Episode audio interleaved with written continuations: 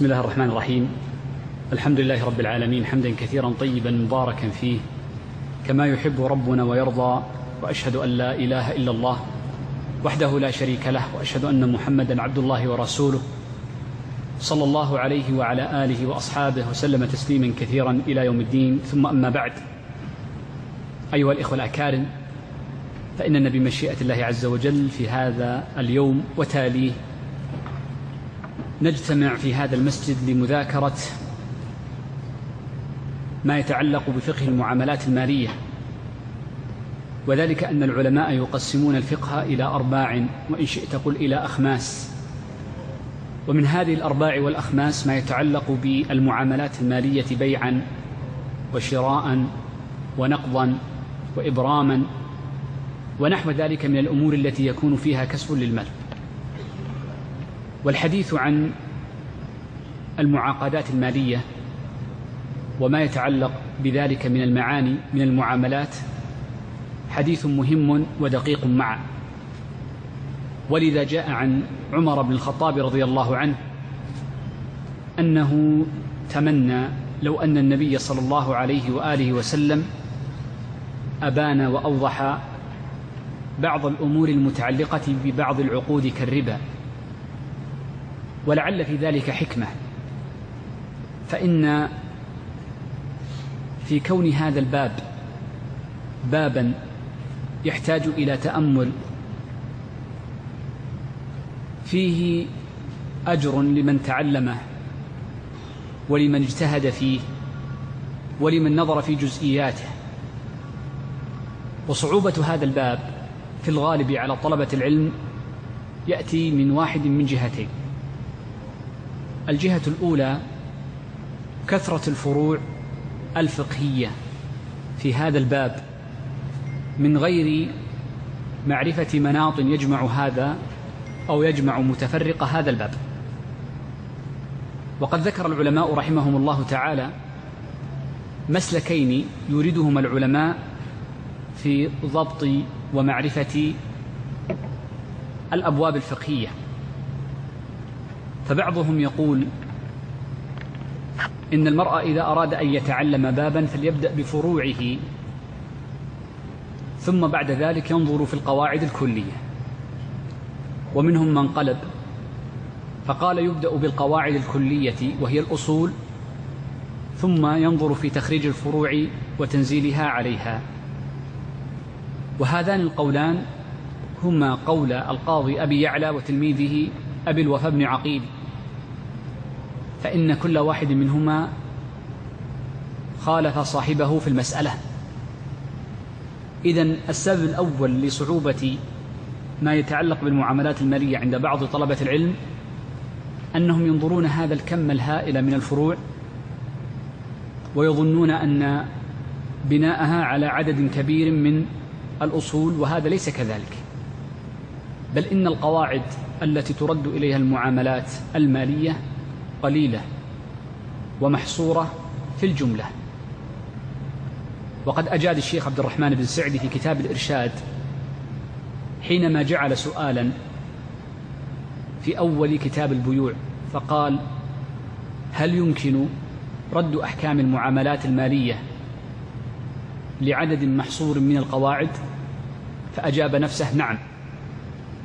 ثم أورد نحو من ست أو سبع قواعد قال إنها تكون الأصول في باب المعاملات وأغلب المعاقدات ترجع إلى هذه القواعد الست أو السبع.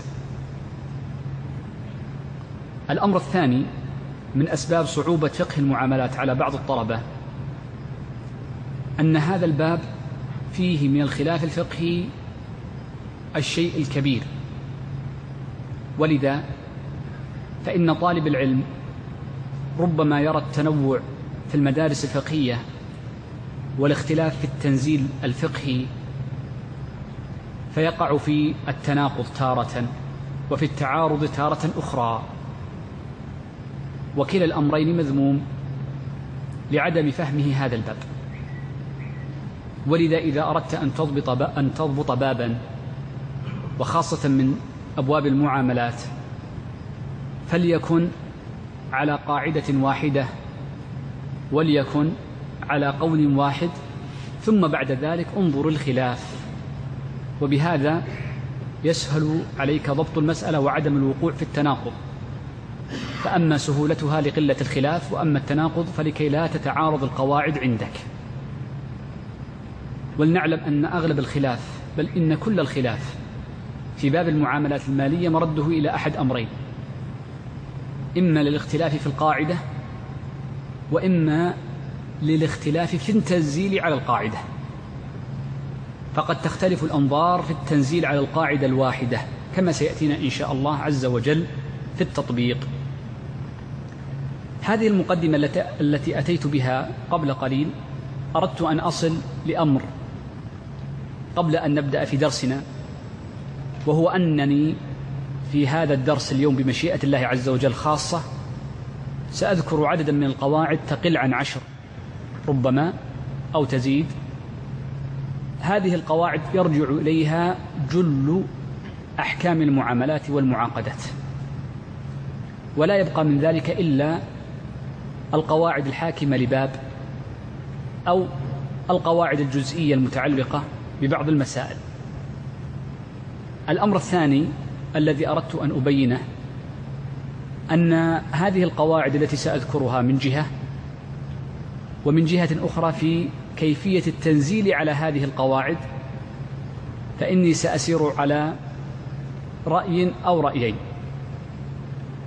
أما الأول فهو غالبا الرواية الثانية في مذهب الإمام أحمد وهذه الرواية هي التي عليها العمل ولا أقول في بلد وقضاء وإنما أقول في غالب بلدان المسلمين. فكثير من المصارف تعتمد على الرواية الثانية مذهب أحمد لأنها أسهل الأبواب أو أسهل اجتهادات الفقهاء في باب الفقه في باب المعاملات ولأنها مبنية على الدليل والمعنى معا ففيها مراعاة المناسبة من غير إغفال للنص. وقد أطال الشيخ تقي الدين في كتابه القواعد النورانية في تقرير أن هذا الأصل وهو أصول أهل الحديث أضبط من أصول غيرهم سواء في المعاملات أو في غيرها. إذا هذه المقدمة التي أردت أن أذكرها لكي نعرف ما الذي سيكون عليه الخلاف لأن لن أذكر خلافا عاليا وإنما سنقتصر على الخلاف النازل لأنه في الغالب أن الفتوى من جهة والعمل عند أغلب من يتعامل في الأمور المالية لا يخرجون عن هذا القول. وفي تقرير أن العمل عليه طويل جدا من كلام كثير من أهل العلم. أول قاعدة عندنا ومسألة يجب أن نعرفها وهي متعلقة بالآدميين وهو أن الإنسان مستخلف في هذا المال الذي جعله الله عز وجل تحت يده. فإن الله عز وجل جعل الآدمين خلائف أي يخلف بعضهم بعضا في الأرض. وليس معنى كونهم خلائف وخريفة أنهم خلفاء عن الله عز وجل فهذا قول باطل. بل إنه إنما يقول به أهل الاتحاد كما قرر الشيخ تقي الدين في منهاج السنة. وإنما معنى كون آدم وذريته خلفاء في الأرض أي أن بعضهم يخلف بعضا. فالله عز وجل هو الذي يستخلف الآدميين على الأرض وما عليها من الأموال. وبناء عليه فإنه ليس للآدمي أن يتملك ما شاء ولا أن يتصرف في ملكه إذا ملكه بما شاء. بل إن الله عز وجل قد جعل قيودا فيما يثبت عليه الملك وما لا يثبت. وجعل الله عز وجل قيودا في صحة تصرف الآدميين في أموالهم. وهذا معنى كون الآدمي متعبد لله عز وجل. هذا هو الفرق بين النظريات الحديثة في المال وبين نظر المسلمين لهذا المال. فإن بعض النظريات تقول إن الإنسان يتصرف في ماله الذي يملكه كيفما شاء وله أن يتملك من الأموال ما شاء فنقول ليس الأمر كذلك بل فيه جانب تعبد.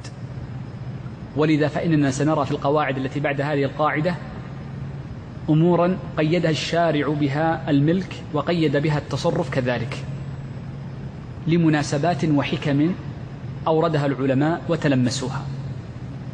هذه القاعدة الأولى قد يقول كثير من الإخوان إنها معروفة وواضحة وبينة لكن أقول لها ثمرة وثمرتها هو أن الإنسان يتعبد الله عز وجل في ماله ويؤجر على ملكه وعلى تصرفه معا.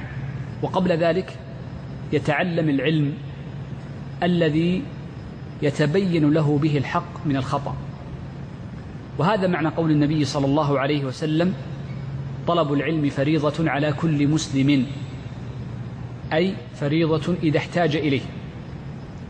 ولذا قالوا إنه لا يحل لمن أراد بيعا وشراء أو أراد صرفا ومعاقدة أن يتعامل بهذه العقود إلا بعد تعلم أحكامها. قال عمر بن الخطاب رضي الله عنه لقد هممت أن آمر بمنع الصراف من دخول السوق حتى يتعلموا أحكام الربا وذلك أن الصرافة لا بد فيها من شروط شرعية جعلها الشارع وهذه الشروط من لم يتعلمها وقع في الحرام. ولذا فإن المرء معرفته الحلال من الحرام مفيد في جهات. الجهة الأولى أن تكون أن يكون مأجورا على الفعل. الجهة الثانية أن يكون ماله حلالا. الأمر الثالث أن يكون ماله مباركا فيه. فإن المال إذا اكتسب من حلال بورك لصاحبه فيه. وإن اكتسب من حرام لم يبارك لصاحبه فيه ولو كان جاهلا. إذ الجهل ينفي الإثم. وأما نزع البركة فإنها منزوعة ما دام الكسب من طريق محرم. هذه هي القاعدة الأولى وهي قاعدة سهلة ومستقرة في أذهن في ذهن جميعنا بإذن الله عز وجل ولكن أردت التأكيد عليها لأنه يجب على طالب العلم أن ينظر لمعنى التعبد في شأنه كله ومنها المعاقدات.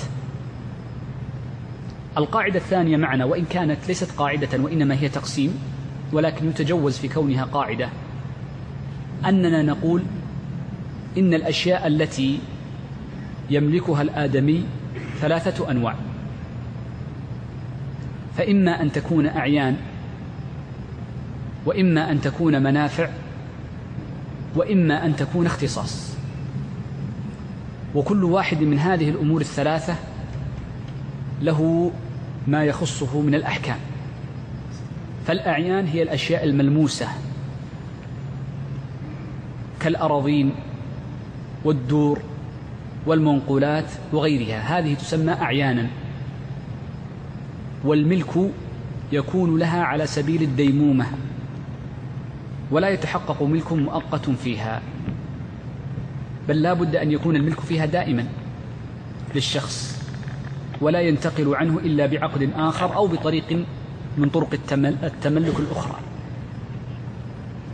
النوع الثاني مما يملك وهو المنافع.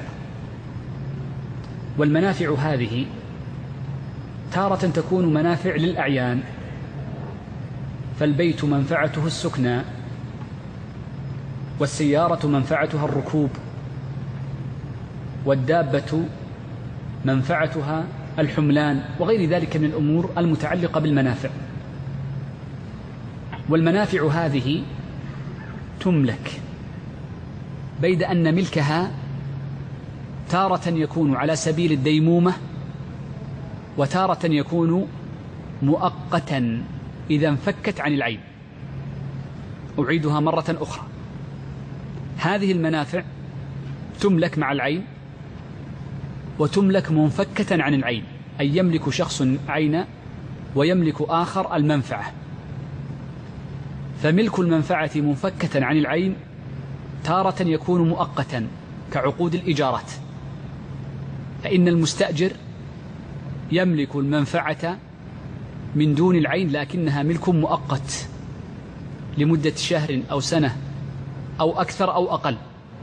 فهذا يسمى الملك المؤقت للمنفعة دون العين وقد يكون الملك للمنفعة على سبيل التأبيد. وفقهاؤنا على المشهور لا يجعلون المنفعة تملك على سبيل التأبيد إلا في حالتين.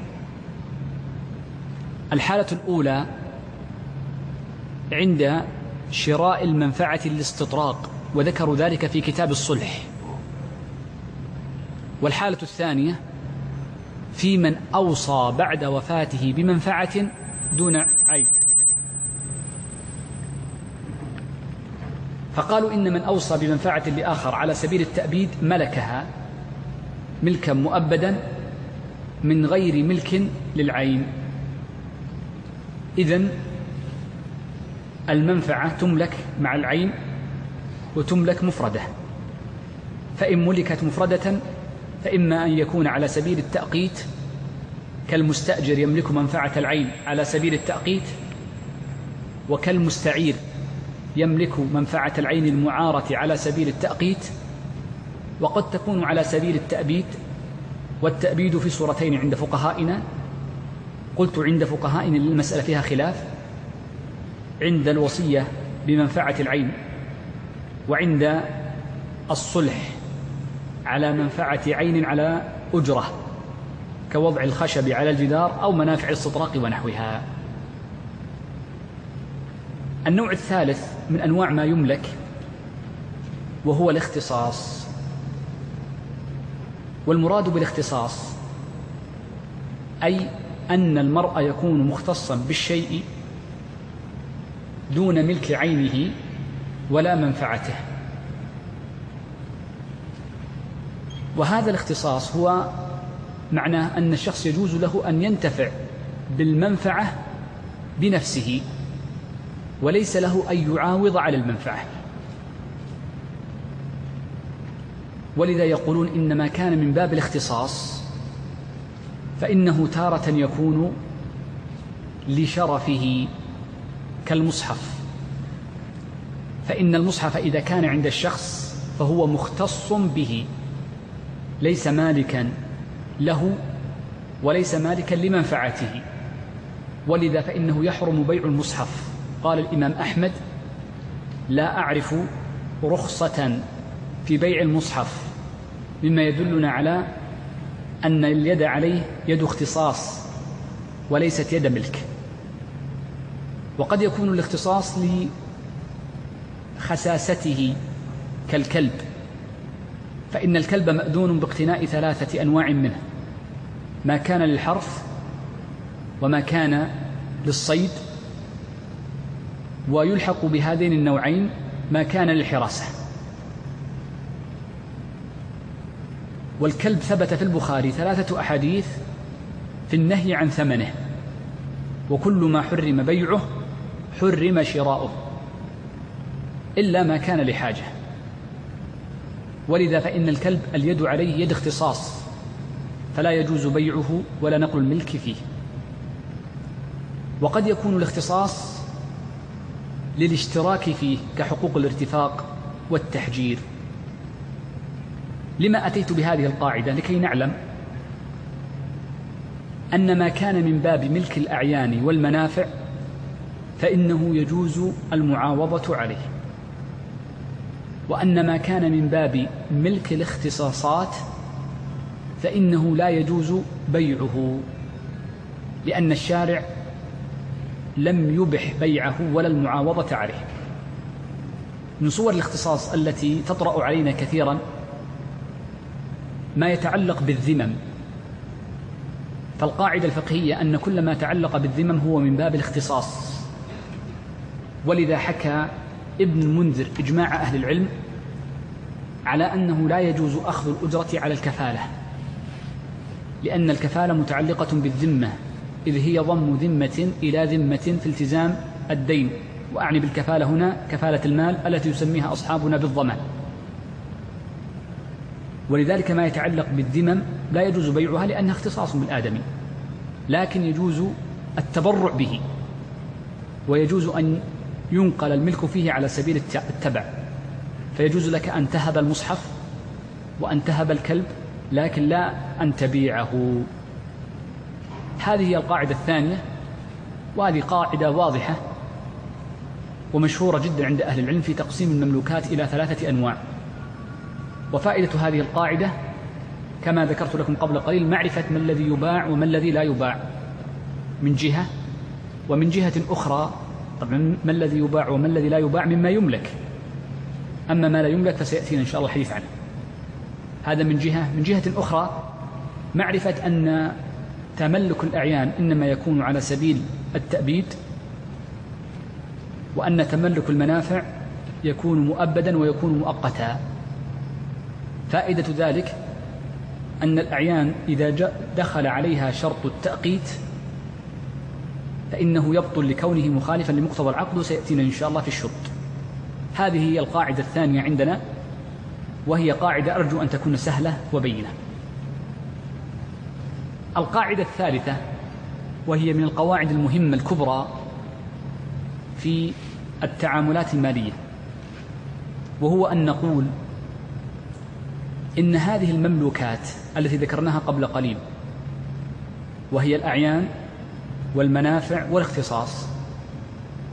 لا يمكن للشخص أن يملك شيئا منها إلا بواحد من ثلاثة طرق. إذا فهذه القاعدة متعلقة بطرق التملك.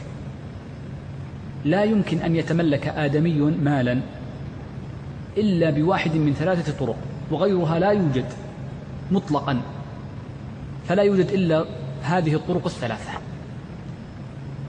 وابحث عن أي طريق من طرق الملك فقطعا لا يخرج عن واحد من هذه الثلاثة.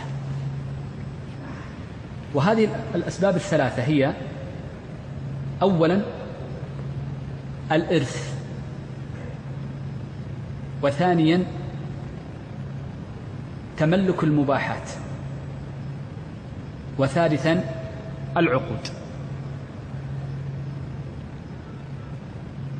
ولا يوجد طريق لكسب المال غير هذه الثلاثة مطلقا. ابحث عن أي سبب وطريق لكسب المال فلا بد أن يندرج واحد من هذه الثلاثة. ثق ثقة تامة. سأمر على هذه الأمور الثلاثة على سبيل الاختصار من حيث الصورة والتعريف ثم سأنتقل لبعض الثمار على هذا التقسيم. الإرث معروف وهو أن يموت المورث فينتقل ماله من حيث من حين قبض روحه إلى ورثته وهذا يسمى إرثا. الأمر الثاني تملك المباحات. المراد بالمباحات هي الأعيان المنفكة عن الملك والاختصاص. فليست ملكا لأحد وليس أحد مختص بها من باب الاختصاص. كالموات إذا حجر. هذه تسمى مباحات. أمثلة المباحات كثيرة جدا. قد تكون لأعيان وقد تكون لمنافع. فتملك المباحات من الأعيان مثل إحياء الموات. فمن وجد أرضا مواتا ليست ملكا لأحد فإنه إذا أحياها بحفر بئر أو غرس شجر ونحو ذلك ملكها. وكذلك نقول أيضا في حال صيد الصيد فإن من اصطاد صيدا ملكه. لكون هذا الصيد ليس ملكا لأحد لكن من أطلق بندقيته واصطاد حيوانا مملوكا لآدمي نقول لا تملكه لأنه مملوك لآدمي قبلك. وأما الصيد فإنه مباح ليس ملكا لأحد وهو مفك عن الاختصاص. إذا فالصيد والاحتشاش والاحتطاب وإخراج نقع ماء البئر والتقاط اللقطة ومثله أيضا إحياء الموات ومثله المعدن في بعض صوره كل هذه الأمور هي في الحقيقة من تملك المباحات. وتكون المباحات منافع مثل حقوق الارتفاق. فهذا الشارع الذي نمشي فيه المرور فيه مباح لكل مسلم.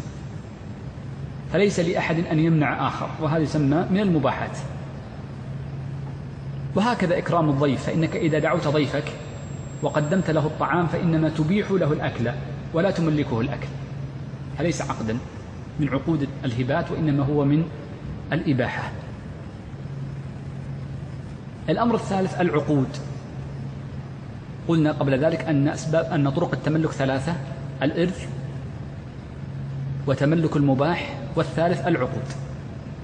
والعقود هي التي سنطيل عليها إن شاء الله بنوعيها سواء كانت العقود عقود معاوضات أو كانت العقود عقود تبرعات أو بينهما وهي العقود المعاوضات غير المحضة فالكل فيها سواء.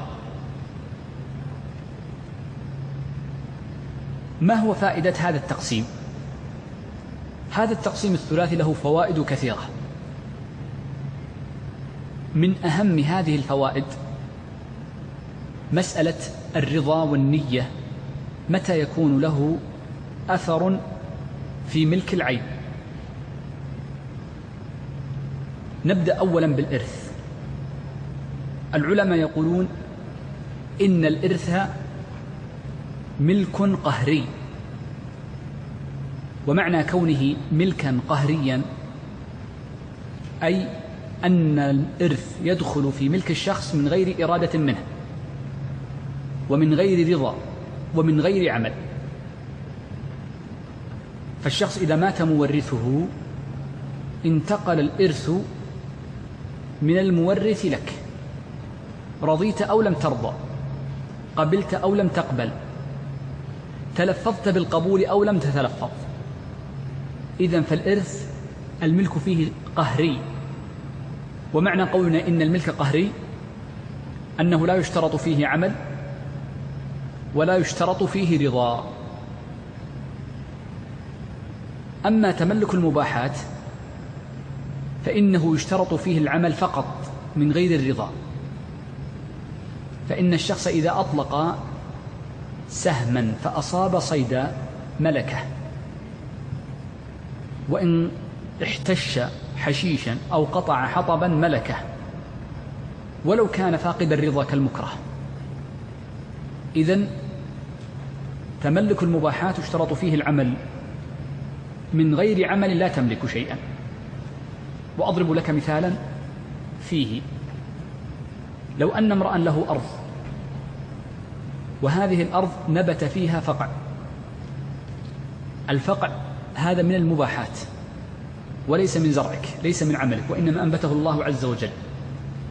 فنقول لو أن رجلا خارج أرضك دخل إلى أرضك ثم أخذ هذا المباح الذي فيه وهو الفقع فإنه يملكه. لأنك لم تعمل شيئا لم تستخرجه فلو استخرجته ملكته. فلا بد من عمل لك في تملك المباح ولا يلزم فيه النية والقصد الأمر الثالث وهو العقود التملك بالعقود. فإن العقود لا يصح التملك بها إلا بوجود الأمرين الرضا والعمل. وهذا معنى قول الله عز وجل ولا تأكلوا أموالكم بينكم بالباطل إلا أن تكون تجارة. هذا هو العمل عن تراض وهذا هو النية والقصد. إذا الفائدة الأولى المهمة للتفريق بين طرق التملك الثلاثة أن الإرث الملك فيه قهري فلا يشترط لتحقق الملك فيه عمل ولا رضا. بينما تملك المباحات التملك فيه إرادي فلا يتحقق الملك إلا بالعمل فقط. ولو لم تكن هناك رضا بأن يكون الرجل مكرها أو أن يكون الرجل فاقد الأهلية كالمجنون فإنه يملكه. فالمجنون إذا احتطب ملك الحطب ونحو ذلك. وأما الصيد فيشترط له النية لأنه فيه معنى التعبد لأجل التسمية. فلذا الصيد له قاعدة تخصه من حيث النية. أما العقود فلا يصح عقد إلا بنية وعمل معا. فلا بد من الأمرين معا. لا بد من النية والعمل. وأقل العمل الإيجاب والقبول. ولذا عد العلماء الإجابة والقبول ركن العقود. فلا يتحقق عقد من العقود إلا بالإيجاب والقبول وهو أقل العمل. والرضا واضح وبين بل قال العلماء إن جميع الشروط أو أغلب الشروط تعود إلى الرضا. من الفروقات المهمة بين طرق التكسب الثلاث. أننا نقول إن الإرث بين الله عز وجل أحكامه وفصل جزئياته وحده ونهى عن مجاوزته. فلا يجوز لكائن من كان أن يزيد في الإرث أو أن ينقص منه. فلو أراد امرؤ أن يقول سأعطي البنت أكثر من نصيبها الذي قدره الله نقول حرام. إذ الله قد حده في كتابه.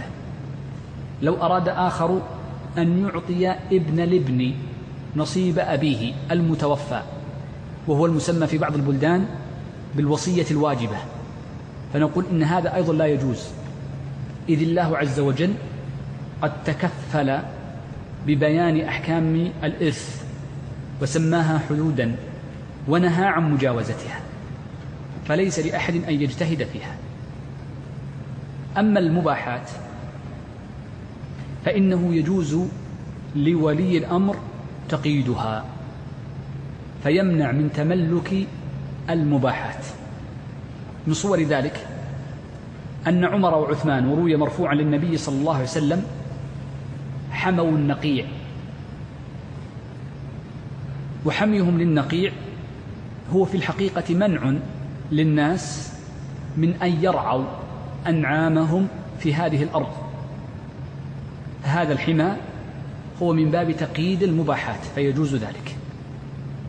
ولذا قال لمعرفة مضابط الكل قال عدد من أهل العلم منهم شهاب القرافي وابن القيم في الزاد أن قول النبي صلى الله عليه وسلم من أحيا أرضا ميتة فهي له أن هذا من باب المباحات فيجوز لولي الأمر تقييده بمنع تملك بالإحياء. وهذا الموجود من قبل سبعة وثمانين ستة وثمانين من بعده فإنه منع الإحياء.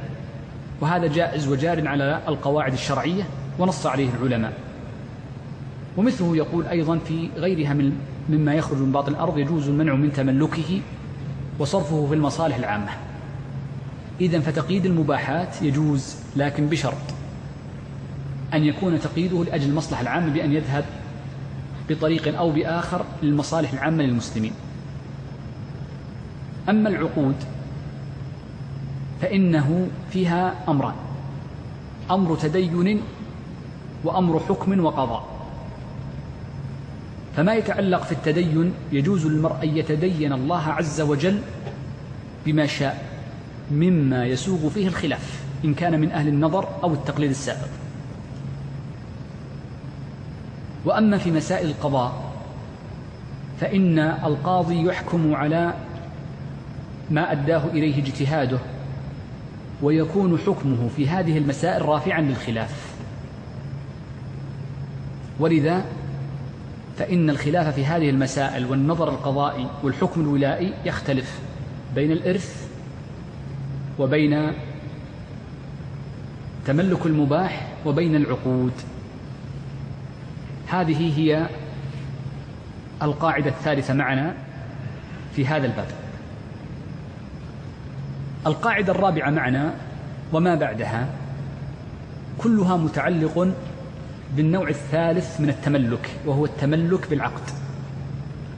لأن التملك بالإرث تفصيله في أحكام المواريث والفرائض وله درس خاص. وتملك المباحات أبوابه سهلة وغالب الأبواب التي تكلم عنها العلماء في تملك المباح هو في إحياء الموات ثم يلحقون به فصلا في ذكر المباحات. فأحكام تملك المباح سهل وحاجة الناس إليه ليست بكثرة حاجتهم إلى العقود. بيد أننا في هذه القاعدة الرابعة وما بعدها سنتكلم ونطيل فيما يتعلق بالتملك بالعقد. وهو الذي ينصرف إليه عادة كلام الفقهاء عند قولهم المعاملات لأن المعاملات يكون فيها تعلق بأكثر من شخص. إذ الإرث إنما هو بين المورث ووارثه والمباحات ليست ملكا لأحد. مر معنا قبل قليل أن الإرث لا بد فيه من الرضا وهو القصد لقول الله عز وجل إلا أن تكون تجارة عن تراض. كما أنه يلزم فيها العمل وهو الإيجاب والقبول. مسألة الرضا قلت لكم قبل قليل أن العلماء يقولون هو أهم أركان العقد. بل قالوا تستطيع أن ترد إليه جل الشروط المتعلقة بالعقود. بل إن بعضهم ربما تكلف فأدخل فيه الجميع. وسأذكر عددا من الأمور المتعلقة بذلك. الأمر الأول عندنا في الرضا لكي نفهم الرضا حقيقة أنه لا يمكن أن يوجد رضا من آدمي إلا بعد رضا الله عز وجل. لأن كل رغبة لآدمي بأمر لم يرضه الله عز وجل فهو باطل. فحينئذ يكون ملغيا بإلغاء الشارع له. وهذا الشرط أو هذه القاعدة التي قال عنها العلماء أن الرضا من الآدميين لا يتحقق إلا برضا الرحمن جل وعلا يدخل تحتها كل معاقدة نهى الشارع عنها. ولذلك قلت لكم تستطيع أن تدخل كل الأفعال في هذا الشرط. من الأمور المهمة الحاكمة للرضا وهي من أهم المسائل وقد نص عليها الشافعي رحمه الله تعالى والإمام أحمد والشيخ تقي الدين وغيرهم وهو أنه لا يمكن أن يتحقق الرضا بشيء أو بمعاقدة إلا بعد العلم. أعيده. لا رضا إلا بعد العلم. كل من زعم أنه قد رضي بشيء قبل العلم به فليس براض. هو يزعم أنه راضي لكن ليس براضي لأن الرضا فرع للعلم. وبناء عليه فالجهالة لو زعم المرء أنه راض بها ليس رضا. لأنك لم تعلم الشيء المعقود عليه على الحقيقة. بل إذا ارتفعت الجهالة لا بد من تجديد الرضا بعد ذلك. وهذه القاعدة إذا فهمتها وهي أن الرضا لا يتحقق إلا بعد العلم انحل عندك كثير من الفهم الخاطئ عند كثير من الناس حينما يقول الربا أنا أرضى به الغرر أنا أرضى به. نقول إن رضاك في الربا ملغي لأنه لا رضا إلا بعد رضا الله. ورضاك في الغرر ملغي لأنه لا رضا إلا بعد العلم والمغرور به لم يعلم بعد فلذا فإنه لا رضا فيه. هذا الرضا فيه مسألة مهمة. وهو أن الشخص الذي يكون فاقدا الرضا من هو؟ نقول إن الشخص الذي يكون فاقدا الرضا أوله أولهم أو الأشخاص الذين يكونون فاقدين للرضا أولهم كل من كان فاقدا النية. فكل من كانت نيته غير معتبرة فإنه ليس براض. فالمجنون نيته غير موجودة لا تصح الصلاة منه. فكذلك لا تصح المعاقدات منه كلها لا البيع ولا الشراء ولا إجارة ولا غيرها لفقد الأهلية. الصبي إذا كان دون سن الإدراك والأهلية فإن جميع المعاقدات منه كذلك لا تصح لأنه ليس راضيا بها. نعم استثنى العلماء من كان دون سن البلوغ. وبعد التمييز فيما أذن له به مما جرت العادة بأن يتبايع به. كالصبي يذهب إلى مقصف المدرسة فيشتري الشيء اليسير. لكن لو أن صبيا باع أرضا له بمبالغ ضخمة نقول إن العقد غير صحيح لأن نيته ورضاه غير متحقق. إذا فاقد الرضا أولهم كل من كانت نيته غير موجودة.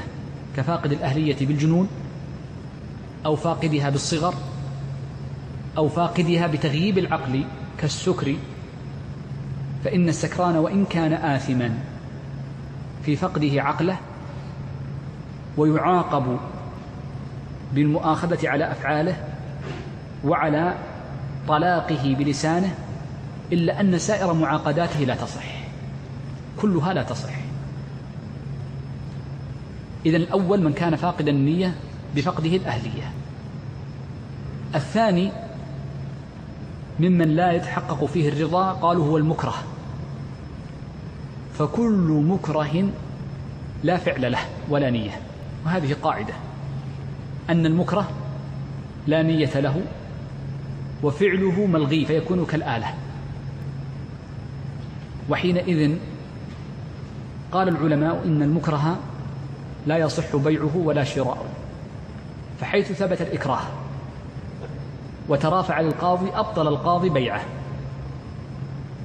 وأبطل القاضي الشراء منه لأنه مكره بالقيود الشرعية التي بينها العلماء متى يتحقق الإكراه والتحقيق. كما قرر الشيخ تقي الدين ونقله البعلي أن الإكراه يختلف باختلاف الأزمان والأماكن والأعراف فلا يوجد له قيد يمكن أن نميز به الإكراه على سبيل الإطلاق. من الأمور المتعلقة بفقد الأهلية عفوا من فقد الرضا من فقد الرضا وهي مسألة تحتاج إلى بعض الفهم. وسأشرحها في دقيقتين وهي باب كامل يسمى باب الحجر. أن من فاقد الأهلية أن من فاقد الرضا كل من كان سفيها. فإن السفيه وإن كان عاقلا وتصح عباداته إلا أن فهمه للمعاقدات فهم قاصر ويضع الأمور في غير موضعها. ولذا فإن المحجور عليه لحظ نفسه وهو السفيه كل معاقداته لا تنعقد في الجملة لأن الرضا عنده مخروم إذ تصرفه وتصوره للمعاقدة ناقص فكانت نيته ناقصة فيه. المسألة الأخيرة وأريد أن تنتبهوا لها وهي مسألة أن الرضا يتكون من شقين. وهذه المسألة إذا فهمتها فهمت حديث النبي صلى الله عليه وسلم ثلاث جدهن جد وهزلهن جد الذي أشكل على بعض أهل العلم. العلماء يقولون إن الرضا هو قصد الفعل وقصد نتيجته. ومعنى ذلك أن من قصد المعاقدة فهو قاصد الفعل قصد البيع هذا قصد الفعل. وقصد النتيجة وهي الأثر المترتب على المعاقدة وهو انتقال الملك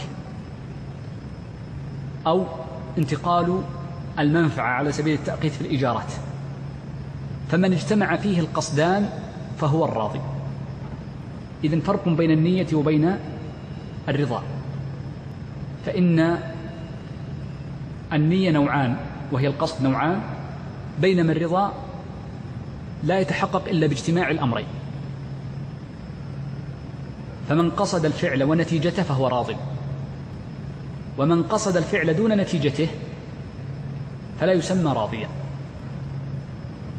وبناء عليه فالهازل واللاعب والفرق بينهما أن الهازل هو الذي يكون مع صاحبه ويعلمان معا أنه يهزل في كلامه. واللاعب هو الذي يتكلم وصاحبه الذي أمامه لا يعلم بكونه لاعبا أو العكس. الهازل واللاعب إذا باع شخصا أو عاقده فإن عقده لا يصح. لأنه ليس راضيا هو قصد الفعل لكن لم يقصد نتيجته. إلا ثلاثة عقود فقط. استثناها الشارع لخطورتها. وهي ما ثبت عند أهل السنن أن النبي صلى الله عليه وسلم قال ثلاث جدهن جد وهزلهن جد النكاح والطلاق والرجعة هذه العقود الثلاثة يكتفى فيها بقصد الفعل دون قصد النتيجة. فتقع وتثبت. بثمرتها ولو كان المرء هازلا لأن العبرة فيها بقصد الفعل دون قصد النتيجة لا يلزم لخطورتها. إذن ملخص الكلام السابق أعيده مرة أخرى. أن الرضا شرط في المعاقدات دون تملك المباحات والإرث وأن هذا الرضا لا يتحقق إلا بعد تحقق رضا الله عز وجل. ولا يتحقق هذا الرضا إلا بعد العلم. فكل من زعم أنه راض بشيء وهذا الشيء محرم فإن رضاه غير معتبر به. أو أنه رضي بشيء كان جاهلا به فإن رضاه غير معتبر لأنه لم يتحقق الرضا فلا رضا إلا بعد العلم. الأمر الأخير قلنا إنه يقابل الراضي أربعة أشخاص. فاقد الأهلية وهو من لا نية له. الأمر الثاني السفيه. فإن السفيه يكون فاقد الأهلية في المال فقط دون ما عداها. الأمر الثالث آه قلنا المكره. فإن المكره لا نية له ولا فعل. الأمر الرابع قلنا إن الهازل ليس براض. وعرفنا أن الرضا هو مجموع أمرين قصد الفعل وقصد نتيجته. والهازل وإن قصد الفعل لكنه لم يقصد النتيجة. ولا يعتبر شيء من عقود الهازل إلا ثلاثة التي ورد بها النص. استثنيت هذه الثلاثة لخطورتها فاعتبر قصد الفعل فيها دون قصد النتيجة والأثر. هذه المقدمات المتعلقة بالرضا في العقود قد تكون يعني متوسطة الصعوبة والسهولة نوعا ما. بقي عندنا قاعدتان. إذا عرفت هاتين القاعدتين وإن كانت الثانية طويلة بعض الشيء عرفت أن عرفت جميع أحكام المعاملات. القاعدة الأولى وهي سهلة والثانية هي التي تحتاج إلى تركيز وينتهي درسنا كاملا اليوم كله بشرح هاتين القاعدتين الباقيتين. القاعدة الأولى عندنا وهو أن الأصل في العقود كلها أنها جائزة. لأن الأصل في الأعيان والمعاقدات والأفعال الإباحة. وهذا قول عامة أهل العلم. ولم ينسب القول بأن الأصل في المعاقدات الحرمة إلا لبعض الظاهرية. ونسب رواية لأحمد وهذا مو صحيح أبدا. لم يقله أحمد ولم يقله أحد من أصحابه. ووهم من ظن ذلك قولا عند الحنابلة. بل إنهم يجزمون وجها واحدا عندهم أن الأصل في المعاقدات الإباحة. هذه قاعدة مهمة جدا. وبناء عليه فكل عقد وإن لم يرد في الكتاب والسنة فإنه جائز. أضرب لكم مثالا. وهو عقد المضاربة. فإن ابن حزم لما أورد هذا العقد قال كل شيء في كتاب الله وجدت له دليلا. كل شيء من معاملات الناس وجدت له دليلا في كتاب الله أو في السنة إلا عقدا واحدا وهو عقد المضاربة. فلم أجد له دليلا. لكننا نقول إنه جائز. طبعا انتهى كلامه. لكن نحن نقول إنه جائز أولا لأن الأصل في المعاقدات الإباحة فهو جائز. ولم نجد في القواعد الحاكمة سنذكرها بعد قليل ما يدل على المنع فيه. ثانيا أن الصحابة أجمعوا على العمل به. فقد ثبت عن عمر وعثمان أنهم ضاربوا وهو من عقود المشاركات. والنبي صلى الله عليه وسلم ضارب في الجاهلية ولم يأتي عنه ما يحرمه فنستمسك بالأصل. ونقول ثالثا أنه جاء في القرآن إيماء لإباحته وهو في قول الله عز وجل وآخرون يضربون في الأرض. والضرب في الأرض قد يكون بالسفر وقد يكون بالعمل. وإنما اشتق عقد المضاربة من الضرب في الأرض فيدخل في ذلك من باب الإيماء وإن كان بعيدا بعض الشيء. إذا المقصود من هذه القاعدة الكلية المهمة أن كل عقد من العقود جائز. هذا هو الأصل فيها. إلا ما نهى الشرع عنه. فقط. وهذه هي القاعدة الثانية عندنا الآن وهو أن العقود والأمور التي نهى عنها الشارع إنما هي أربعة أشياء فقط. سأذكر هذه الأربعة ثم أشرحها وينتهي درسنا اليوم بالعصر والمغرب. هذه الأمور الأربعة التي ترجع إليها التحريم في شتى صوره هي أولا الربا وثانيا الغرر وثالثا التغرير.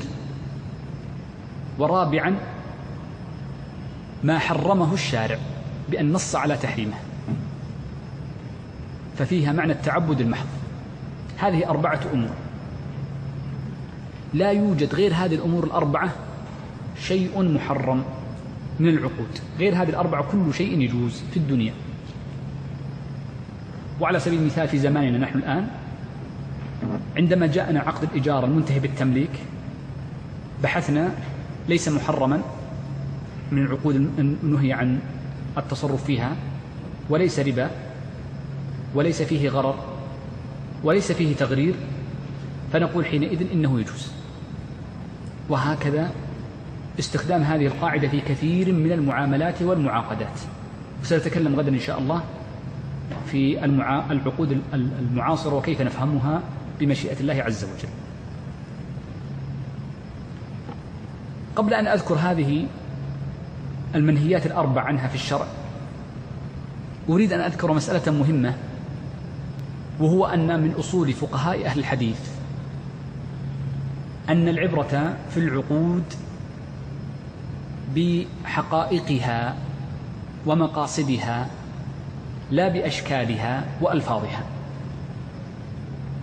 هذه القاعدة المهمة جدا تجعل العبرة بحقيقة العقد والغرض منه بغض النظر عن شكله.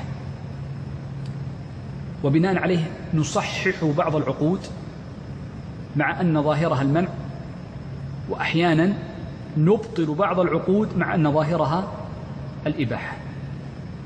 مثال ذلك نبدأ بالنوع الأول. هناك عقود ظاهرها المنع لكننا حينما نظرنا في حقيقة العقد والغرض منه رأينا أن الأنفع للآدميين أن نصححه فقلبناه إلى هيئة أخرى. وهذا من استشراف الشرع لتصحيح عقود الآدميين. فحيث أمكنك أن تصحح عقدا ولا تحرم ذلك العقد فصل إليه ولو بقلبه. والأصل في قلب العقود ما ثبت في الموطأ.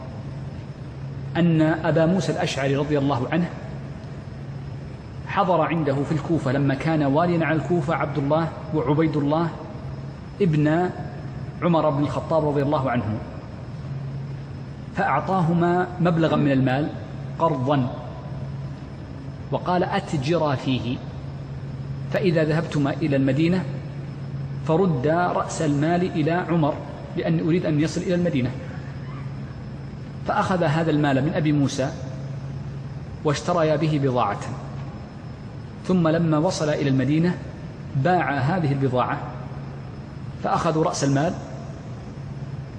على جنب والباقي أخذوه لهم. فأتوا برأس المال لعمر وأخبروه بالخبر. فقال عمر رضي الله عنه أكل أحد من المسلمين أعطاه أبو موسى مثلكم؟ قالوا لا بل هذا قطعا ليس كذلك. قال إذا أعطوني المال وربحه. فجعل يدهم عليه يد أمانة وتعدي فقلبه إلى عقد آخر. فجاء الصحابة فقالوا لا لو تلف لضمنوه لما كان قرضا. اجعله قراضا وهو مضاربة. فأخذ منهم رأس المال ونصف الربح. وكان هذا بإجماع الصحابة رضوان, رضوان الله عليهم فقلبوا العقد من كونه قرض إلى كونه قراض أي مضاربة. إذا المقصود من هذه المسألة أن أننا نقرر أصلا مهما وهو أن الأصل في العقود الإباحة وأن هذا الأصل المهم قد نصير إليه بظاهر العقد وقد نصير إليه بقلب العقد للعقود الصحيحة. كما أن النظر للمقاصد أيضا يؤدي إلى التحريم مثل من يتحيل على العقود. فالتحيل على العقود لإباحة المحرم محرم وهذه من الأصول المهمة جدا في الشريعة الإسلامية. طيب. إذا قلت لكم إن آخر مسألة وهي سنطيل فيها بعض الشيء وهي أهم مسألة في ضبط المعاملات المالية أننا نقول إن العقود كلها جائزة وليس محرم منها شيء إلا ما اشتمل على أربعة أشياء ذكرتها لكم قبل قليل. نأخذ الأول منها من هذه الأمور الأربعة وهو المعاقدة على محرم. فإن كل عقد على محرم يكون باطلا ومنهيا عنه. والأمور المحرمة التي نهي عن المعاقدة عليها ذكر العلماء أنها أربعة أنواع. في الغالب لا يوجد غير هذه الأمور الأربعة. هي المحرمة نهي الشارع عنها أو نهى الشارع عنها. أول هذه الأمور المحرمة قالوا كل محرم لذاته. أي حرم الشرع المعاقدة عليه لكونه هذا الشيء. بمعنى أن الشارع ألغى ماليته فلم يجعل له مالية وألغى منفعته. وإن كانت فيه منفعة لبعض الناس لكن الشارع ألغى منفعته مما ألغى المال مما ماليته. قالوا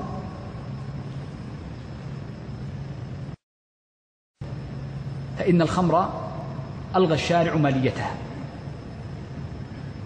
فلا يجوز بيعها ولا شراؤها للمسلم أو مع مسلم ولكن تبقى ماليتها للكتابيين مما ألغى الشارع ماليته على خلاف بين أهل العلم فيه وهي النجاسات. فالمشهور من المذهب أن النجاسات كلها لا يجوز بيعها لإلغاء الشارع ماليتها وذلك أن النجس لا يجوز مباشرته ولا يجوز الانتفاع به. هم استثنوا أنا أعطيك كلام فقهاء قديما استثنوا من النجاسات شيئان يجوز الانتفاع بهما ولكن لا يجوز بيعها عندهم. كالزيت المتنجس لا النجس بذاته فإنه يجوز عندهم الإسراج به مساجد مع قالوا لا يصح بيعه. إذا مشهور المذهب أن النجاسات لا يصح بيعها لإلغاء المالية. الرواية الثانية في المذهب وهي التي عليها العمل أننا نقول إن هذه النجاسات إذا وجدت فيها منفعة جاز بيعها. بشرط أن تكون المنفعة مباحة. حينئذ يجوز بيعها. وهذا موجود في بعض البلدان فإنهم يبيعون ربما بعض الفضلات لبعض الصناعات المعينة المباح فقد يقال بجواز بيعها لوجود المنفعة. أما إذا التقت المنفعة فيمنع. فيكون الخلاف هنا ليس في القاعدة وإنما الخلاف في التنزيل على القاعدة. من الصور التي اختلف فيها العلماء قديما وحديثا بناء على التنزيل لكنها داخلة في المحرم لذاته ما يتعلق بالحشرات. فإن العلماء يقولون إن الحشرات كلها لا يجوز بيعها إلا دود القز لأنهم يرون أن الحشرات لا منفعة فيها إلا دود القز فإنه ينتفع به. هذا قديما. أما الآن فإن كثيرا من الحشرات يمكن أن ينتفع بها. فمن الانتفاع بالحشرات أن بعض الحشرات تجعل بديلا للمبيدات. أن بعض الحشرات يستخدمها أو يستخدمونها في المعامل. وبعض طلبة التخصصات الطبية من باب التجريب أو التشريح فقد ينتفع بها حين ذاك. فحيث كانت فيها منفعة مباحة شرعا فإنه يجوز. وهذا يدلنا على تفريع على قاعدة كلية وهو تغير الفتوى بتغير الزمان. فإن القاعدة واحدة لم تتغير أن كل ما لا منفعة فيه لا يجوز بيعه. لكن هذا الشيء لما تغير الزمان وأصبحت فيه منفعة جاز بيعه بعد ذلك. الدليل على أن هذه الأمور كلها منهي عنها ولو من باب الإيجارات نهي النبي صلى الله عليه وسلم عن مهر البغي وحلوان الكاهن فإن حلوان الكاهن أخذ للمال على عوض محرم. إذ الكهانة محرمة. إذا المحرم سواء كان منفعة أو عينا لا يجوز أخذ الأجرة عليه.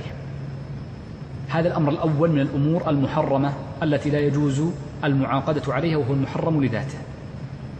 الأمر الثاني من الأمور المحرمة ولا يجوز المعاقدة عليها المحرم لكسبه. وهذه مسألة مهمة جدا. المحرم لكسبه لا يجوز بيعه لأنه ليس مالكا له ولا يجوز لمسلم أن يشتريه كذلك فإنه ليس مملوكا له. وبناء على ذلك فإن من وجد مالا مسروقا أو مغصوبا أو منهوبا يباع فليس له أن يشتريه. بل نقول إن البيع باطل ويجب رده إلى صاحبه أو التخلص منه. وبنى على ذلك العلماء مسألة من باب التفريع فقط. قالوا من دخل سوقا يغلب على ظنه أن ما يجلب فيه إنما هو مسروق فلا يجوز الشراء منه. ترى ذلك في بعض المحلات يغلب على ظنك أن هذه السلعة المعروضة إنما هي مسروقة مثل بعض الحراج. يعني بعض المناطق فيها الحراج يتساهلون في بيع المسروقات. إذا غلب على ظنك الغلبة التي دلت عليها القرائن أن المال مستحق فإنه يحرم المعاقدة عليه شراء بيعا من باب أولى إجارة وكراء أو إعارة. كل هذه محرمة لأنه قد نهي عنه لكونه محرما لكسبه لا لذاته. إذن كل ما كان محرما لكسبه بغصب أو سرقة ونحوه لا يجوز المعاقدة عليه لا بيعا ولا شراء ولا انتفاعا بل ولا قبول هبة. إذا سرق الشخص شيئا وأهداه لك لا يجوز لك قبولها بل أنت آثم إن قبلتها وانتفعت بها. ولا تقل إن الإثم على السارق لا. فقد وصلتك بطريق محرم لأن المعاقدة على المحرم لكسبه ممنوع. وهذه القاعدة مع سهولتها واختصارها إلا للأسف أن بعض الناس قد يتساهل فيها ويخطئ في تطبيقها. مما يتعلق بالمحرم لكسبه قاعدة أوردها العلماء وأشكلت عليهم كثيرا وهو بيع ما لا يملك. بعض العلماء يقول لا يجوز المرء أن يبيع ما ليس في ملكه لأنه ليس في يده فيكون من باب المغصوب وباب والمغصوب لا يجوز بيعه. وجاء حديث عن النبي صلى الله عليه وسلم أنه قال لا تبع ما لا تملك. وروي عنه بل وثبت عنه صلى الله عليه وسلم أنه قال لا تبع ما ليس عندك. وبنى عليه العلماء أن من باع شيئا لا يملكه فالبيع ينعقد باطلا. هذا هو المذهب. ولم يجيزوا معاقدة الفضول إلا في حالة واحدة وهو عند الشراء في الذمة أي ليس لعين. فلو اشترى بعين معينة فإنه يكون في حكم المغصوب وهو المحرم لكسبه. وإنما قالوا في المعاقدة أي الشراء ولا يكون بيعا وإنما شراء في الذمة في شيء في الذمة فلا يكون معينا. الرواية الثانية اختيار الشيخ تقي الدين أن المنهي عنه ليس بيع ما لا يملك وإنما يجوز المرء أن يبيع ما يملك ملكا حقيقيا أو ملكا ظاهريا. وهذا ما يسمونه بالملك الظاهري. الملك الظاهري قالوا مثل أن يكون مأذونا له فيه موكلا أو يكون تصرفه في ملك غيره موقوفا على إذنه. فيقول من باع ملكا ليس له فيكون البيع موقوفا لحين يأذن صاحبه. إذا ملخص الكلام في المحرم لكسبه. أن المحرم لكسبه المذهب طرد فيه قاعدة. كل من لم يملك شيئا سواء كان متعديا كالغاصب في وضع اليد عليه أو ليس متعديا لكونه ما زال في ملك من هو في يده فإن العقد عليه باطل لعموم قول النبي صلى الله عليه وسلم لا تبع ما ليس عندك أو لا تبع ما لا تملك. والرواية الثانية وهي اختيار الشيخ تقي الدين أنه يقول كل محرم لكسبه لكون لكونه مستحقا لغيره فإن العقد عليه لا نقول هو صحيح ولا نقول هو باطل بل نقول هو عقد موقوف على إذن صاحبه. فينتظر حتى يعلم صاحبه بالمعاقدة فإن علم بها ورضيها صح. وإن لم يرضها نقول وقع فاسدا. هذا الكلام ذكرت لك قبل قليل هو ملخص كلام طويل جدا في مسألة بيع ما لا يملك. إذا فهمت هذه المسألة فهمت هذه المسألة الطويلة المشكلة على كثير من طلبة العلم. إذا قلنا إن النوع الأول من المحرمات المحرم بيع المنهي عنه هو المعاقدة على المحرم وذكرنا نوعين من المحرم. المحرم لذاته لكونه نجسا أو منهيا عنه والمحرم لكسبه. النوع الثالث من المحرم قالوا ما نهي عن المعاقدة عليه لكونه يفضي إلى محرم. لكونه مفضيا إلى محرم. والمعاقدة التي تفضي إلى محرم قد يكون لحق الله عز وجل مثل الذي يشتري أو يبيع بعد النداء الثاني يوم الجمعة فإنه يفضي إلى ترك حضور الجمعة فحينئذ يكون أدى إلى الحرام فنقول العقد باطل. يا أيها الذين آمنوا إذا نودي للصلاة من يوم الجمعة فاسعوا إلى ذكر الله وذروا البيع. فالنهي عن المعاقدة بعد النداء الثاني يوم الجمعة إنما هو لما يفضي إليه من ترك الواجب وهو صلاة الجمعة وحضور الخطبتين. إذ حضور الخطبتين واجب على كل من وجبت عليه الجمعة لأن الخطبتين قائمتان مقام الركعتين وحيث أن الركعات الأربع واجبة على المسلم في الظهر فالجمعة وحضور الخطبتين واجب على من وجبت عليه الجمعة. مما يفضي إلى مما يحرم لكونه يفضي إلى محرم لحق الله عز وجل من أراد أن يبيع ويشتري في وقت يضيق إلا عن أداء الصلاة المفروضة. فنقول إن البيع باطل لأنه ترك الصلاة المفروضة لأجل البيع فحينئذ هو محرم لكونه يفضي إلى محرم باعتبار الوسائل. الجماعة على الصحيح من قول أهل العلم أنها واجبة فكل بيع أفضى إلى ترك الجماعة نقول إنه يكون محرما كذلك. أيضا كل محرم كل بيع لمن يستخدمه في محرم نقول هو محرم. فمن أكرى وأجر بيته لمن يستخدمه في محرم نقول العقد حرام. من أكرى سيارة له لنقل محرم فأجرته باطلة لا يستحق منها شيئا بل هو كسب خبيث. يجب عليه أن يتصدق بالمال كله.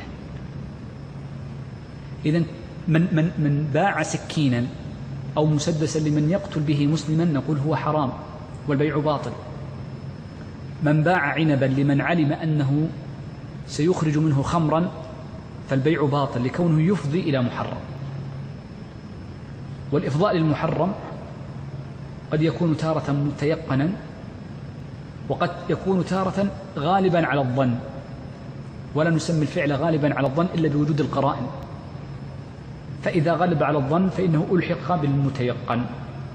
وأما المتوهم والمظنون والمشكوك فيه فلا عبرة به. بعض الناس يقول سوف أؤجر بيتي لمن قد يستخدمه في حلال أو قد يستخدمه في حرام. نقول أما وقد كان مظنونا فإنه يجوز والعقد صحيح. من المحرم الذي نهي عنه لما يفضي إليه لمصلحة الآدميين كثير جدا. أضرب ذلك مثالا أو مثالين فقط. المثال الأول وهو مثالان مهمان المثال الأول نهي النبي صلى الله عليه وسلم عن بيع المسلم على بيع أخيه وعن شرائه على شرائه. هذا العقد نقول إنه عقد محرم وعلى المشهور هو عقد باطل. صورة ذلك لو أن رجلا باع لآخر سلعة فجاء آخر للبائع وقال بعتها لفلان بخمسة وأنا سأشتريها منك بستة هذا شراء على شرائه.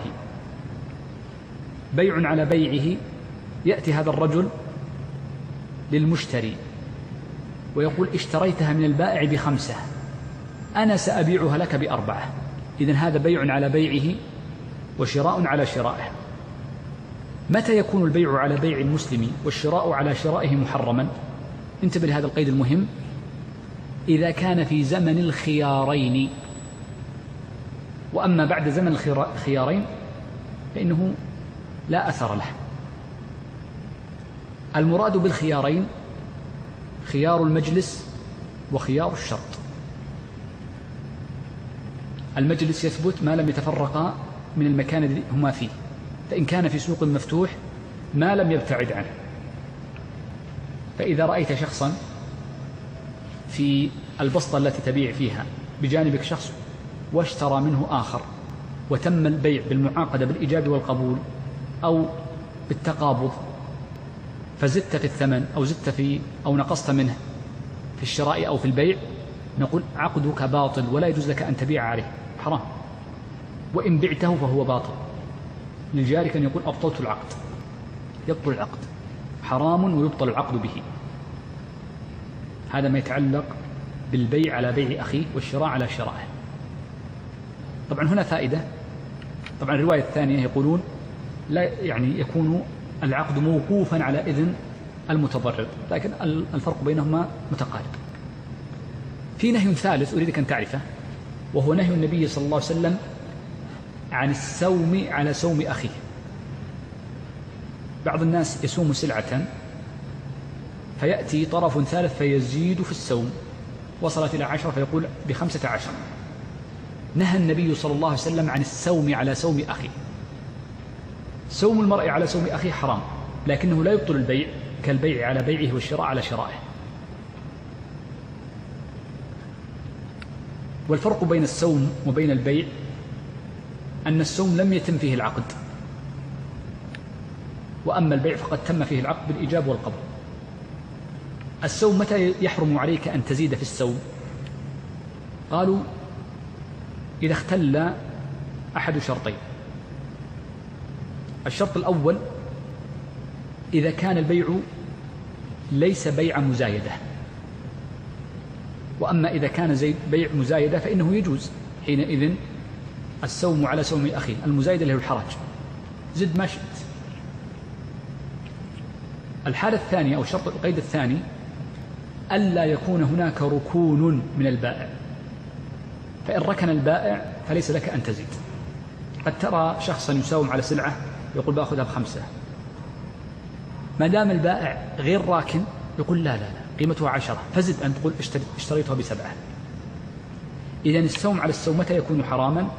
حيث لا ركون وحيث أن البيع ليس بيع مزايدة وهو مثل الحراج. نسميه في اللغة الدارجة الحراج. فالحراج بيع مزايدة فيجوز فيه المساومة لأنه لم يتم فيه الركن. هذه المسألة الأولى في قضية ما حرم للإضرار بالمسلم لأنك عندما تبيع على بيع المسلم أو تشتري على شرائه فقد أضررت به. مما يكون محرما للإضرار بالمسلم كذلك وهذه يعني يعني قد أطيل فيها بعض الشيء في نحو خمس دقائق لأهميتها وهو التصرف في المبيع قبل قبضه.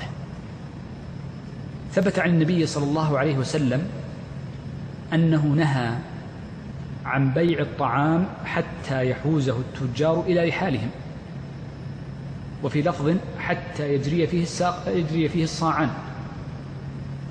فنهى النبي صلى الله عليه وسلم من اشترى من غيره سلعة أن يتصرف فيها بالبيع أو الهبة حتى يقبضها. ما العلة في ذلك؟ بعض أهل العلم يقول العلة لتوالي الضمانين وهذا فيه نظر. وقيل إن العلة لأجل الإضرار بالمسلم. صورة ذلك عندما تشتري أنت من شخص هذه القنينة بريالين ثم وهي في يده تبيعها لآخر بعشرة. فيأتي المشتري ليقبض القنينة. فيقول له البائع بكم اشتريتها؟ فيقول اشتريتها بعشرة. البائع حينئذ ألن يقع في نفسه؟ هذا الذي بعته بالأمس بريالين وهو ما زال في يدي. باعها المشتري بعشرة. فبعض الناس هذا الذي وقع في نفسه فيه غضاضة من جهة وإضرار على البائع بكونه أحس بالخسارة وما زالت العين في يده. ثم قد يؤدي إلى أن يمنع التسليم وهذا كثير جدا. ومن عرف كثير من العقود وكيف أن النفوس جبلت على الحرص وعلى محبة المال يعلم أن بعض الناس قد يمتنع من تسليم العين لكون الذي اشتراها منه باعها بسعر أعلى. ولذلك فإن كل مكيل أو موزون أو معدود أو مذروع فإنه لا يجوز بيعه أو التصرف به إلا بعد قبضه. فلا بد من قبضه لحديث النبي صلى الله عليه وسلم. لماذا نهي عنه؟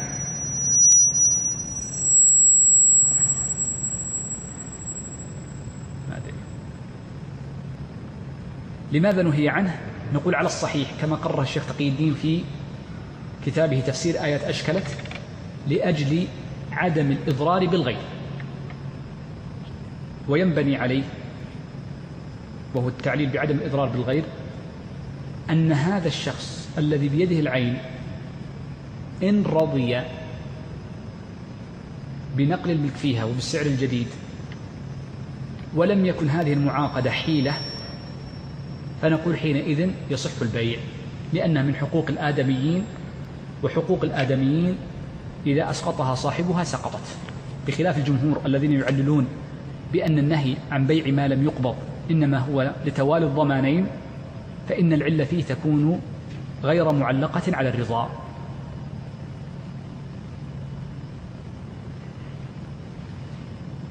آه، ما حرم لي لي للإضرار بالمسلم كثير جدا. أيضا أشير أمثلة يعني فقط أمثلة هكذا مثل الاحتكار. نهي عن بيع الاحتكار. لا لا يحتكر إلا ظالم. والاحتكار إنما حرم الإضرار بالمسلمين. آه، نهى النبي صلى الله عليه وسلم عن تلقي الركبان لأن فيه إضرارا بأهل البلد كلهم.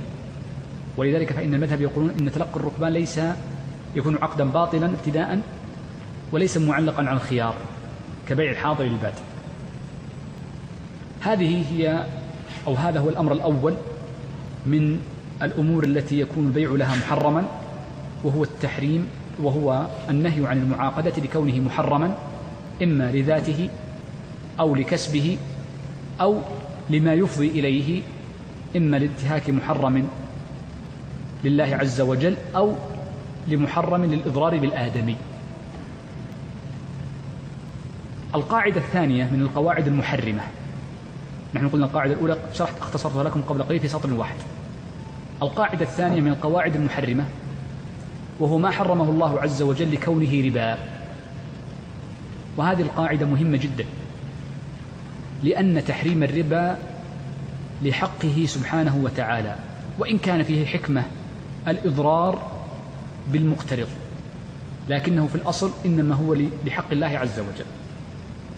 وفائدة قولنا إنه لحق الله عز وجل أن الربا كله محرم. إذا كان ربا لذاته محرم لذاته. ولو كان في شيء يسير لا يتأتى. ولو في العلماء القديمين يقول ولو بحبة قمح بحبتين حرام. نحن نقول ولو كان بهللة بهللتين حرام لا يجوز. لأن الربا محرم لحق الله عز وجل. وأحل الله البيع وحرم الربا. لا تأكلوا الربا أضعافا مضاعفة. الربا لكي نفهم هذا العقد لابد من معرفة عدد من المسائل. إذا فهمت هذه المسائل فهمت فهمت باب الربا تماما. أول مسألة عندنا وهو أن الربا يتكون من ثلاثة أنواع. ذكر العلماء أنه ثلاثة أنواع. ربا فضل وربا نسأ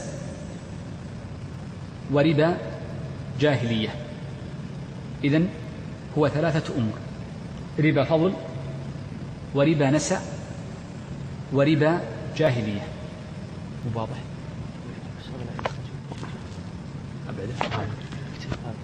هذا الصوت طلع الصوت هذا هذا طيب جزاك الله كم بقي على جيد آه قبل أن أشرح هذه الأمور الثلاثة أنا أعرف أن الدرس اليوم طويل من جهة وطول الدرس يجعل آه، آخره ينسي أوله. والأمر الثاني أن هذا الدرس مع طوله إلا أن كم المعلومات فيه كثيرة جدا. فإنك ستشرح ما يشرح بسنين في يوم واحد. وهذا قد يصعب عليكم بعض الشيء لكن ركزوا معي. وإذا كان أنقف أقول ركز لكي تشحذ ذهنك وتركز معي وتترك السرحان. انظر معي. قبل أن نفهم الربا الأموال عموما كلها تنقسم إلى قسمين. افهموا هذه القسمة ينحل عندك إشكال كثير جدا في فهم باب الربا. الأموال كلها تنقسم إلى قسمين. القسم الأول ذكره النبي صلى الله عليه وسلم بقوله الذهب بالذهب والفضة بالفضة والبر بالبر والشعير بالشعير والتمر بالتمر والملح بالملح. هذه الأمور الستة هي النوع الأول وما قيس عليها. وتسمى بالأموال الربوية. إذا إذا قلنا الأموال الربوية نعني بها الأمور الستة التي جاءت في حديث عبادة وما قيس عليها. غير هذه الأمور الستة وما قيس عليها نسميها أموال غير ربوية. إذا أول شيء لكي نفهم باب الربا أن الأموال نوعان أموال ربوية وأموال غير ربوية. فالأموال الربوية الستة وما قيس عليها والأموال الربوية كل ما كان خارج الستة وما ألحق بها.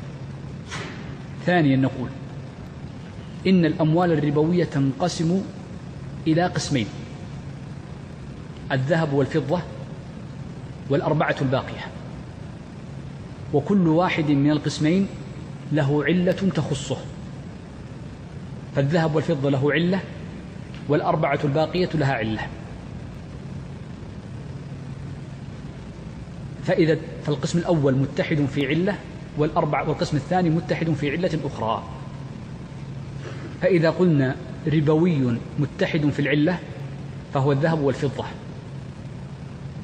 أو البر والشعير والملح والتمر فإنه متحد في علة. علته تختلف عن علة الثاني بإجماع المسلمين. لم يختلف العلماء أن الأموال الربوية تنقسم إلى علتين الذهب والفضة علة والباقية علة أخرى لها علة تخصها. لم أذكر لكم العلة بعد وإنما ذكرت لكم أنها تنقسم إلى علتين. كل واحد من هذه الأموال التي تحت علة متحدة في علة واحدة تحتها أجناس. فالذهب والفضة تحتها جنس الذهب وتحتها جنس الفضة. والأربعة الباقية أربعة أجناس البر جنس والشعير جنس والملح جنس والتمر جنس. وما قيس عليها ملحق بها. إلى الآن واضح؟ ماشي معي؟ طيب. لكي نفهم ربا الفضل وربا النسب. نقول نبدأ أولا بربا الفضل. متى يكون مال متى يكون التصرف أو العقد يجري فيه ربا الفضل وهو الزيادة. نقول إذا كان الثمن والمثمن كلاهما أموال ربوية. واحد. ثانيا اتحدت في العلة واتحدت في الجنس.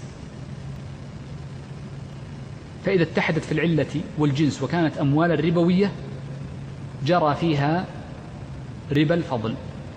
كما قال النبي صلى الله عليه وسلم الذهب بالذهب مثلا بمثل. إذ الذهب والذهب متحدان جنسا وكلاهما من الأموال الربوية. ومثله قال في الفضة والبر والشعير ونحو ذلك. طبعا الجنس تحته أنواع. الذهب منه المغشوش وغير المغشوش. الذهب الأبيض والأسود. البر أنواع. بر وادي الدواسر بر قصيم بر كذا. تختلف الأنواع. الرز عشرات الأنواع. وهكذا. طيب. ربا النساء وهو التأخير فقط. إذا كان المالان ربويان واتحدا في العلة فقط واختلفا في الجنس فإنه يجري النسأ فقط دون ربا الفضل. فإن اتحدا في الجنس جرى فيها ربا الفضل والنسأ معا كما تقدم معنا. هذه القاعدة إذا عرفتها عرفت متى يجري ربا الفضل ومتى يجري ربا النساء. بقي ربا الجاهلية سنذكره بعد ذلك لأن ربا الجاهلية مستقل له حكم مستقل وهو الأخطر. طيب انظروا معي ركزوا معي. إذا كان المالان نعني بالمالين الثمن والمثمن. إذا كان المالان ليس من الأموال الربوية فهل يجري ربا الفضل والنسأ فيه أم لا؟ نقول لا يجري مثال ذلك ما جاء من حديث عبد الله بن عمرو بن العاص أنهم كانوا يأخذون الناقة بالناقتين بعد ذلك. هذه ناقة بناقتين هذا زيادة وفضل. نسأ فيما بعد ذلك إلى إلى إلى قدوم الصدقة ففيه نسأ. لما كانت الإبل ليست من الأموال الربوية ما دامت حية الإبل والغنم كل الحيوانات ما دامت حية ليست من الأموال الربوية. فحينئذ نقول يجوز فيها الفضل ويجوز فيها النسب. طيب لو كان المالان أحدهما ربوي والآخر ليس ربويا فنقول يجوز الفضل والنسأ كذلك. لو كان المالان كلاهما ربويان لكنهما اختلفا في العلة فإنه نقول أيضا يجوز الفضل والنساء مثل شراء الشعير أو البر بالدراهم والدنانير فإنها تجوز. هذا ما يتعلق بمعرفة قاعدة الربا. إذا الربا أختصرها لك مرة أخرى. أنا أعيد على غير عادتي فإني سريع لسببين. السبب الأول أني أعرف أن بعض من الإخوان نصف كلامي لا يفهمه. وهذا واضح من عيون نصف الحاضرين. ولذلك فأنا أعيد وأتمهل في كلامي. لعله في الإعادة أن يبقى من كلامي بعضه في الذهن. ولذا أنا متأكد أن ثلاثة أرباع الذين لا يكتبون لن يبقى في ذهنهم شيء. فإذا عرفت أن تعرف أن الرجل معي ولا لا اكتب. فلذلك اكتب. جيب ورقة وقلم. جزاك الله خير. فمن لم يكتب نصف الذي سيذهب في الريح. العلم صيد والكتابة قيده. فلا بد من الكتابة خاصة في الدروس التي فيها معلومات كثيرة جدا. إذا ألخص لكم مرة أخرى كتاب باب ربا الفضل والنسى قلنا الفضل والنسى هما نوعا الربا وهناك نوع ثالث هو الأهم. ربا الفضل والنسأ الفضل هو الزيادة والنسأ هو التأخير. إنما يجريان في الأموال الربوية. عرفنا أن كل الأموال والأعيان إما أن تكون أموالا ربوية أو ليست ربوية. معنى قولنا إنها ربوية أي يجري فيها الربا لا أنها حرام. إذا قلنا مال ربوي يعني يجري فيه الربا وهذا بإجماع أهل العلم أن الأموال إما ربوي وغير ربوي.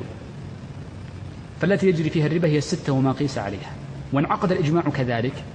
أظن حكاه ابن عبد البر.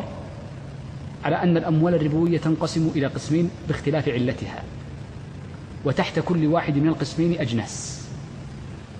وتحت الأجناس أنواع لكن أنواع لا يتعلق به حكم. نقول إذا كان الثمن والمثمن أموال ربوية متحدة في العلة والجنس جرى فيها ربا الفضل والنسب. فلا يجوز الزيادة ولا يجوز التأخير. إن كانت أموال ربوية واتحدت العلة فقط واختلف الجنس فإنه يحرم التأخير فقط.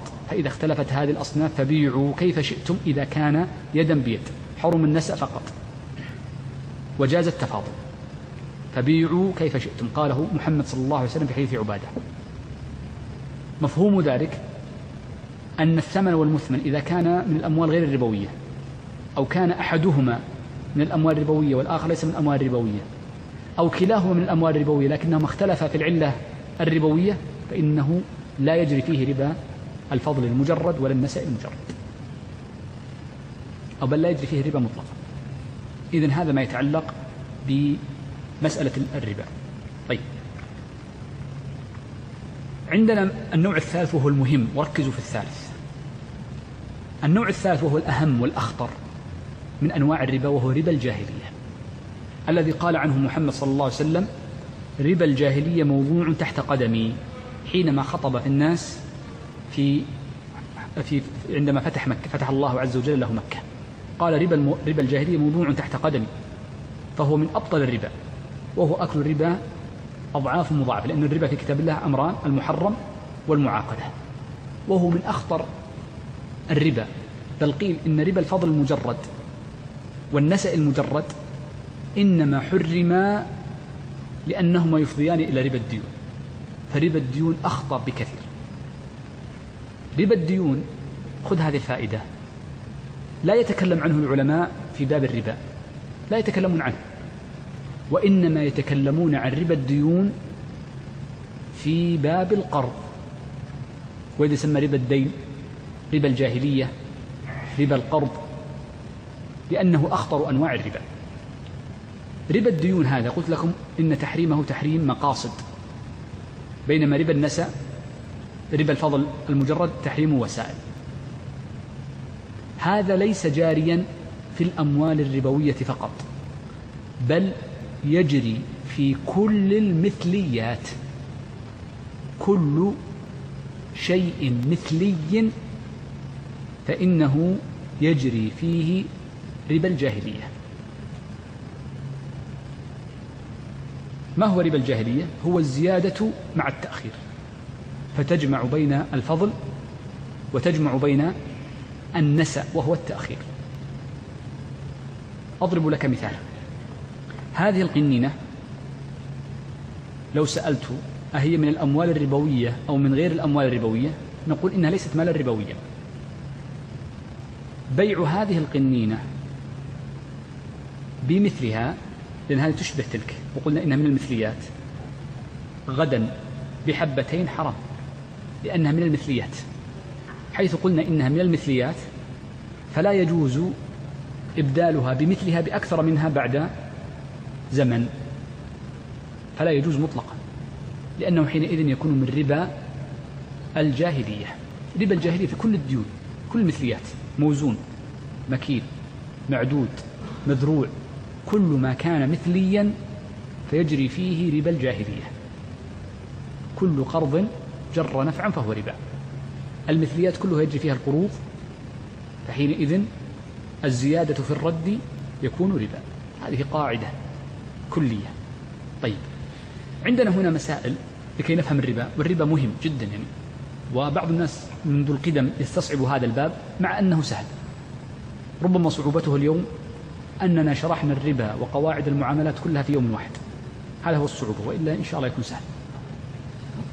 عندنا في الربا مسألة مهمة. قلت لكم قبل قليل إن ربا الجاهلية محرم تحريم مقاصد وذاك محرم تحريم وسائل. كل ما كان محرما تحريم وسائل فالعلماء يقولون يجوز إذا أمن ما يفضي إليه من جهة. ويجوز عند الحاجة بقدرها. يجوز إذا أمن ما يفضي إليه. ويجوز عند الحاجة بقدرها. ليس ما حرم تحريم مقاصد وإنما ما حرم تحريم وسائل. نبدأ بالأمر الأول. قلنا يجوز إذا أمن ما يفضي إليه. لو أن رجلا انظروا معي معه صاع بر فاستبدله في المجلس التعاقد بصاعين بر من نوع مختلف. نقول إنه حرام.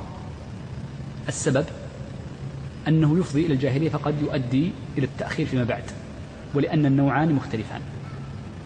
لكن لو أن رجلا أعطى آخر صاعا في مقابل صاعين من نفس الجنس ونفس النوع نفس النوع بل كيس الرز واحد.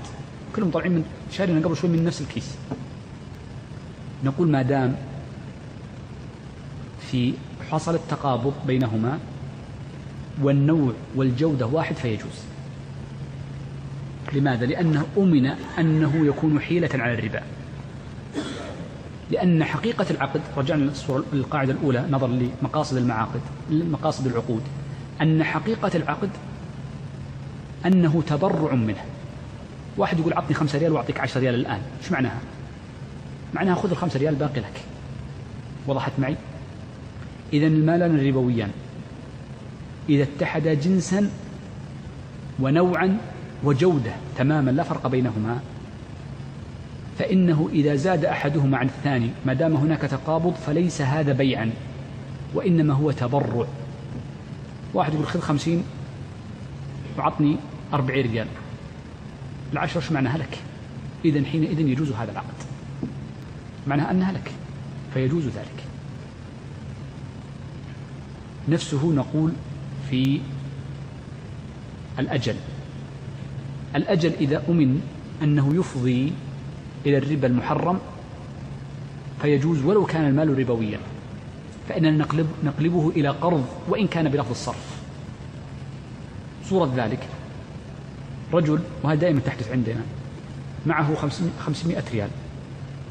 فيذهب لصاحب البقالة والدكان فيقول معك صرف فيقول معي 400 فقط. فيقول أعطني الأربعمائة والمئة الباقية سأخذها منك غدا. نقول هذا جائز لأن الأربعمائة الأولى صرف والمئة الباقية هي دين في الذمة. بأي لفظ جئت به. سميته صرفا سميته قرضا سميته بيعا. لأن العبرة بحقائق العقود. هذا هو التحقيق المسألة. تقرير الشيخ تقي الدين. وإن كان المشهور أن هذا التعامل الأخير يجوز بلفظ القرض ولا يجوز بلفظ الصرف. لكن لا عبرة بالألفاظ وإنما العبرة بحقائق العقود حيث أمن ما أفضت إليه جازت.